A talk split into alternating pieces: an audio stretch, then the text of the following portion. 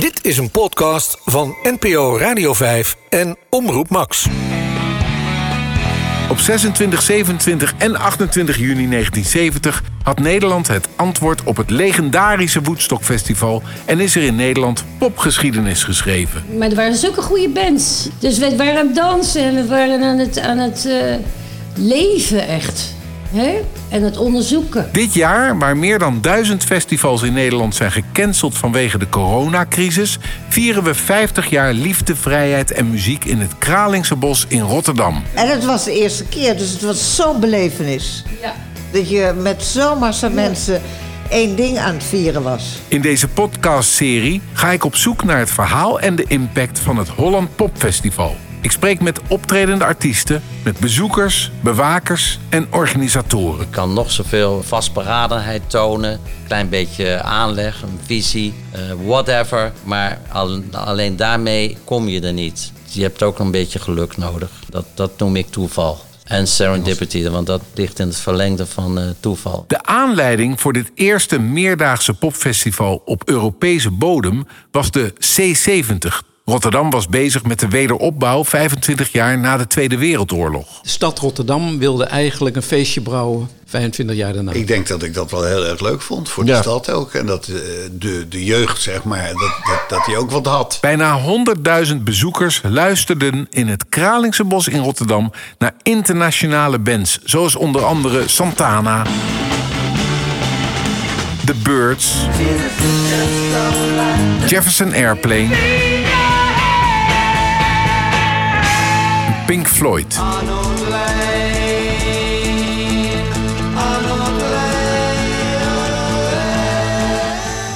Pink Floyd weet ik dat hij nog om, om bij zonsopgang speelde.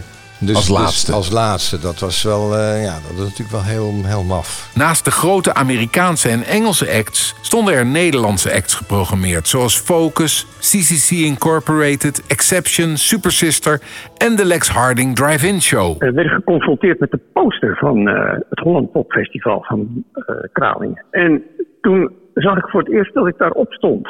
Nou, dat was een, eh, toen, werd ik, toen groeide er een bepaalde trots in mij. Jezus, Mia, ik sta op de poster. Samen met Pink Floyd, Santana en de Birds en de Dick de Graaf Driving Show. Het was het eerste meerdaagse openluchtpopfestival op het Europese vasteland. Maar je, je kon je nauwelijks voorstellen dat dat ook echt in Nederland zou gebeuren. Dat, dat, dat was toch wel iets van, ja, zoiets gebeurt in Amerika. eh, En in principe was het voor, voor ons gewoon de set spelen die we altijd speelden. twee, drie weken voor het festival was, wisten we niet dat we daar zouden spelen. Nee. Dus we, we kregen die uitnodiging. Oh, groot festival spelen? Nou, nou. Eén grote vredelievende mensenmassa. De, de afrastering eh, daar hadden ze een beetje makkelijk over gedaan. Dus dat, dat werd meteen helemaal plat gelopen. En, Ja. eh, en, en niemand die meer kaartjes kocht. Dus eh, Ik had toen een vriendje, Barry Hay. En die was er ook, maar die waren we vrij snel kwijt, hè, Riff? oh, Ik was, wat was ik, 19 jaar oud, 20 jaar oud. Dus gewoon, er zitten allemaal van die hippie meiden en ook meiden met blote borsten en zo. Dus, en ik heb lange pauzes bij Exception. Er zitten lange solo's, weet je wel. gewoon, die Rick van der Linden hield niet op. Misschien is ons gedoogbeleid voor softdrugs wel hier begonnen. Ja, wat deden de mensen? Een beetje blowen. Hè? Dat was super hip. Nou, ik was volop hippie hoor.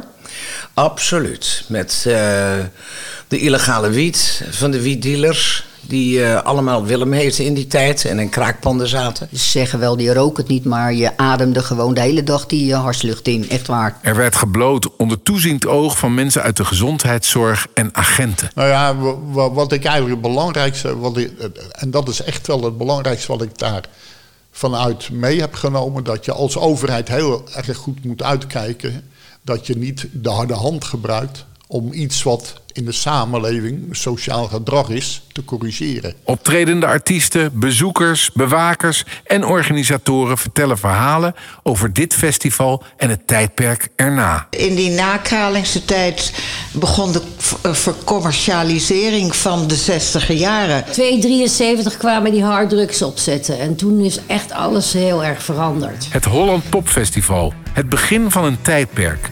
50 jaar gedoogbeleid in Nederland. 50 jaar meerdaagse popfestivals in Nederland. Je voelde wel dat, dat, dat, er, dat er iets nieuws in opkomst was, maar, maar dit was wel een hele duidelijke uiting daarvan. Dus dat het ook inderdaad tot gevolg had dat, dat je gewoon in het openbaar eh, wiet kon roken en hash. Dat, eh, dat was compleet nieuw en, en, en dat maakte je ook eh, zeg maar trots om Hollander te zijn. De Holland Popfestival podcast is een achtdelige serie over 50 jaar liefde, vrijheid en muziek. Nou, ik heb, we zijn daar geweest en eh, ik, ik kan me er eigenlijk geen flikker van herinneren.